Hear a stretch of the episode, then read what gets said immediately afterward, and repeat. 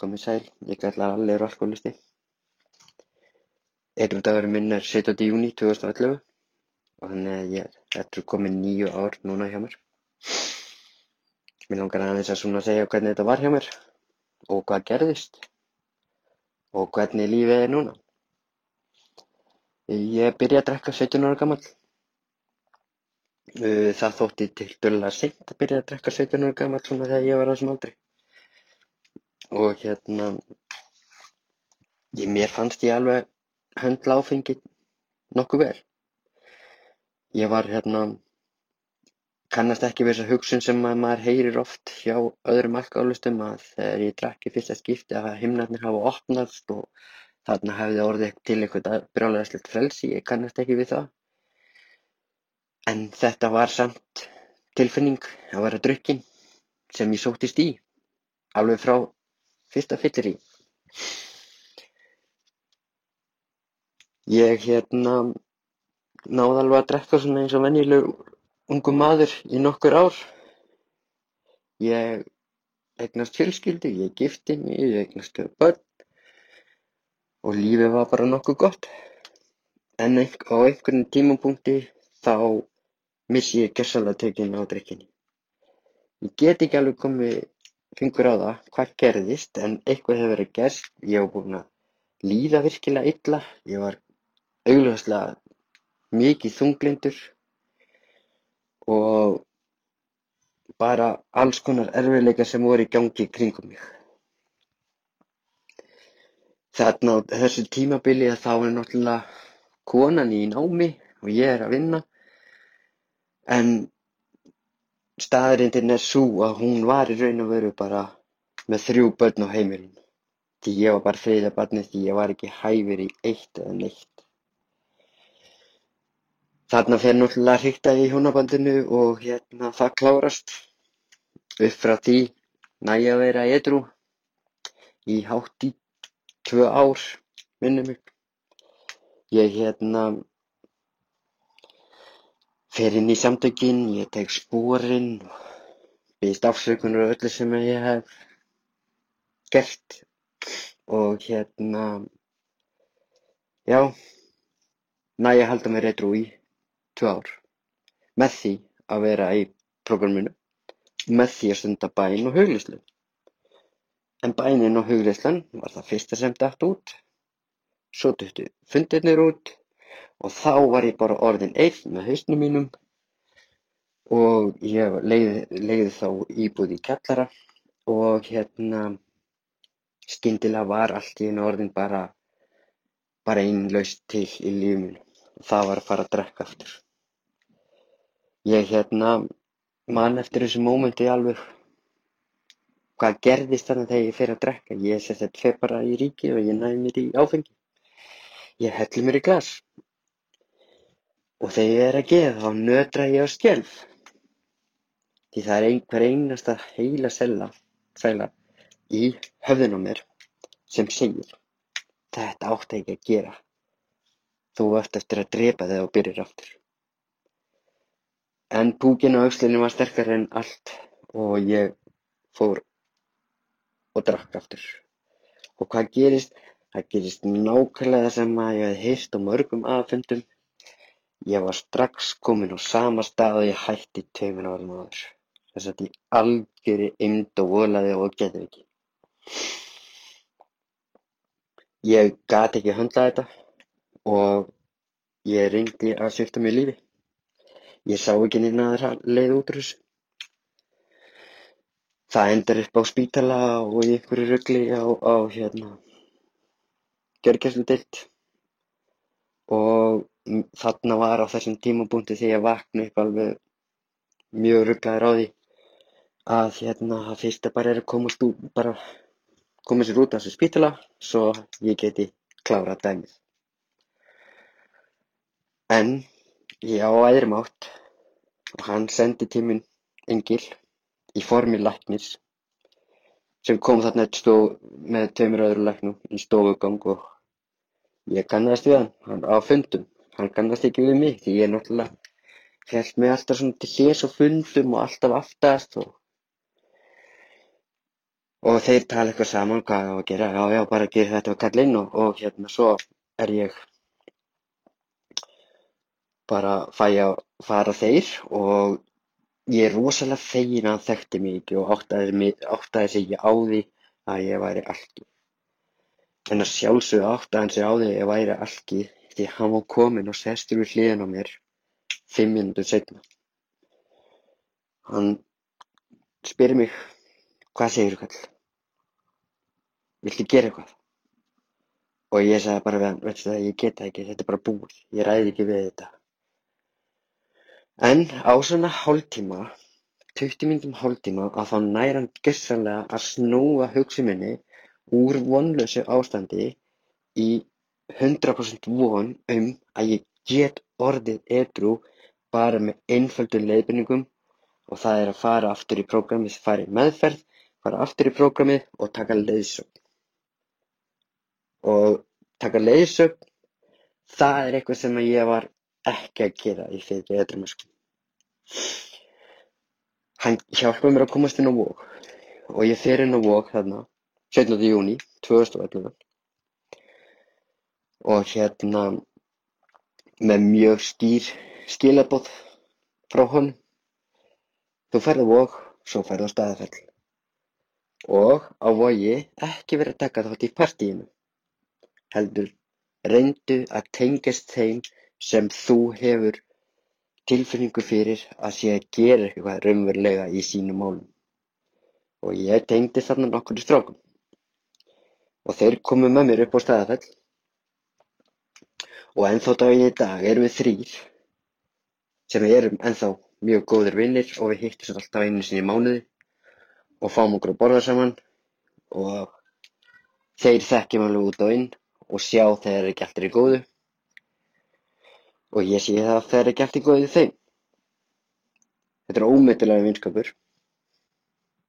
En þarna löpum við alla sveitina þarna í kringu staðafell í 28 daga, júli mánuði, sól upp okkur einasta dag, þetta var alveg dásalegu tími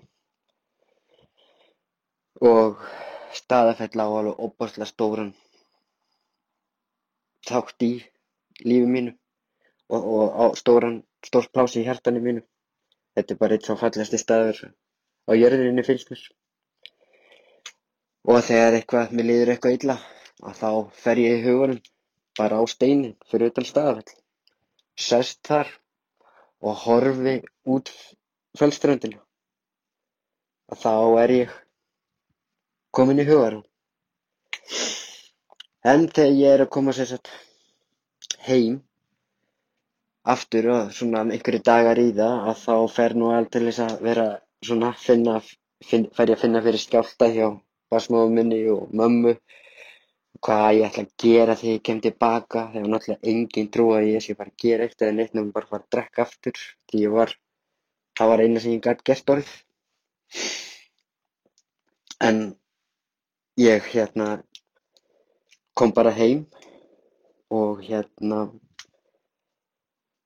ákvað að fara í þetta, að fara í prógramið og að fara eftir leiðbeiningu læknisins og tengjast inn í aðsamtökin. Það er tvengt ólíkt að, að tengjast inn í aðsamtökin og setja fundi í aðsamtökin. Þegar ég kem heim að staðafelli þá er það með það fyrsta sem ég ger er að ringi í þennan lækni og hann leiðir mig í gegnum þessi tólf spor og ég fæ ótrúlega góða líðan yfir því og að fara í gegnum bókina með honum. Hann útskýrir rosalega vel textan í bókinni. Og það var rosalega gott að finna það loksist þarna. Þegar ég fór að tengjast inn í samtökin að ég var ekki einn sem leið svona illa þegar ég var í neyslu. Það eru allir búin að lenda í þessari vanlíðan. Þrátt fyrir að séu nota kannski einhver önnur efni en áfengi að þá er alltaf sameiginleg grunnur það er þessi gríðarlega vanlíðan og það eina sem við getum gert okkur þessu vanlíða er að fá okkur meira. Sem kalla bara á endanum og ennþá meiri vanlíðan og vanlíða Ég eignast ábyggslega góðan tíundarspórsfélaga líka í samtökunum. Við ringjumst saman bara upp hvern einasta dag til að fá speglun á lífið. Og hann hérna ég fekk þannig að ég fór alltaf með tóman bakpoka að sofa á kvöldin. Ég var mikið á fundum ég var ekki í vinnu ég fór bara á hádegisfundi niður í Gula og svo fór ég bara út um allt stór hafnavörðarsvæði á aðfundu kvöldið og ég fann ekki neitt leiðilegan fund. Það voru óbúslega góðir fundir. Ég óttaðist alltaf pontufundi svona bendifundi og hérna þannig að ég fór ásóleisfundi sérstaklega til þess að stíga aðeins inn í óttan minn þið hafa sagt um mig að þú þarftir að stíga inn í óttan þar liggur sigurinn. Og það er alveg svo sannarlega þannig. Ég fór í þjónustu ég var í kaffiþjónustu, ég var gjaldkeri ég var rítari, tólspora fulltrúi. og allt sem maður gat orðið alls konar þjónustur í samtökunum. Og hérna ég eignast kærustu í samtökunum. Og við byrjuðum að eignast einslegt líf saman. Ég fæ vinnu ég fæ vinnu við að sagt, að, hérna, bera svona vaskúta og sjá kaffivilar það var nú ekki beisið að fá vinnu þarna maður þakka bara fyrir hverja vinnu sem maður fekk á þessum tíma það var mikið aðurleys í gangi en svo hérna þegar Guð taldi mig vera tilbúin til að fara að sinna minni inn að þá fekk ég vinnu við það og hérna er þar ennþá. Ég er búinn að vinna saman vinnustað í 7,5 ár. Og það er sama þar, ég var í raun og verið ekkert hæfið til að smíða eitt eða neitt þegar ég var fullur. En með því að stíga inn í þennan ótta og vera edru og, og, og sigrast að sjálfuð mér, við óttan sjálfuð mér, þá hef ég náða að vera bara, held ég, ágætis starfsmaður. Ég fæ að sjá um verkefni og ég fæ að vera með nema með mér í vinnu og þetta er allt ótrúlega gefandi. Alltaf eitthvað nýtt og ég er bara virkilega hamingisamur í þessari vinnu.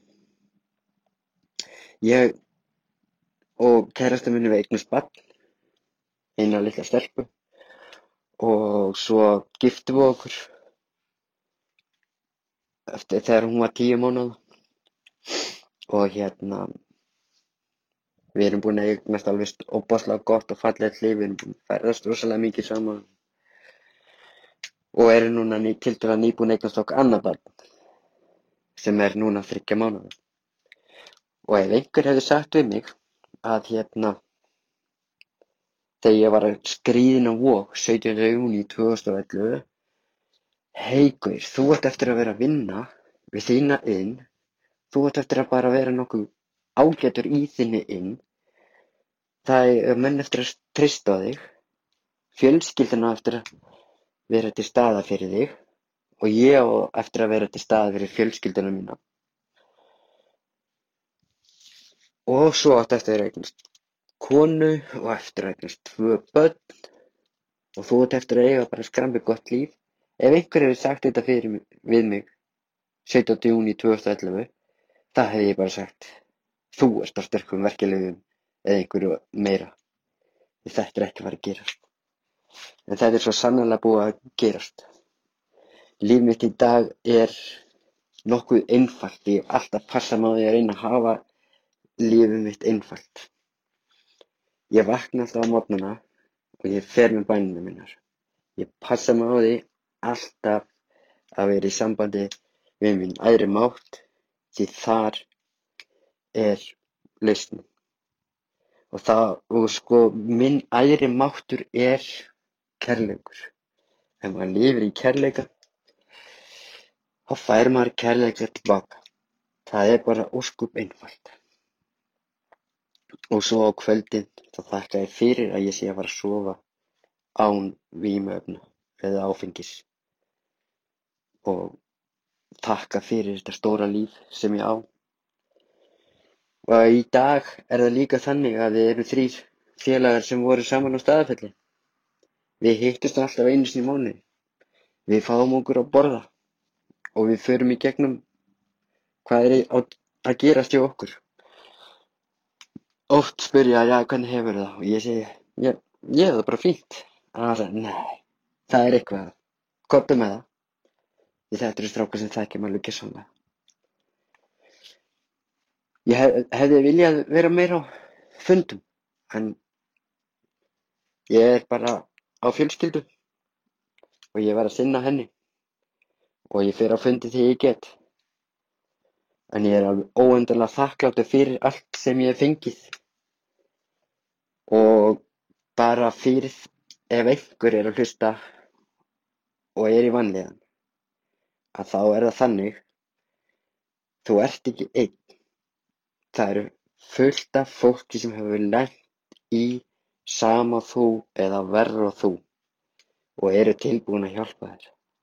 Það er það sem við þurfum að gera. Við verðum að tala um okkar vanlíðan. Ef við tölum ekki um vanlíðan okkar þá förum við að drekka aftur. Það er nánast potið mál.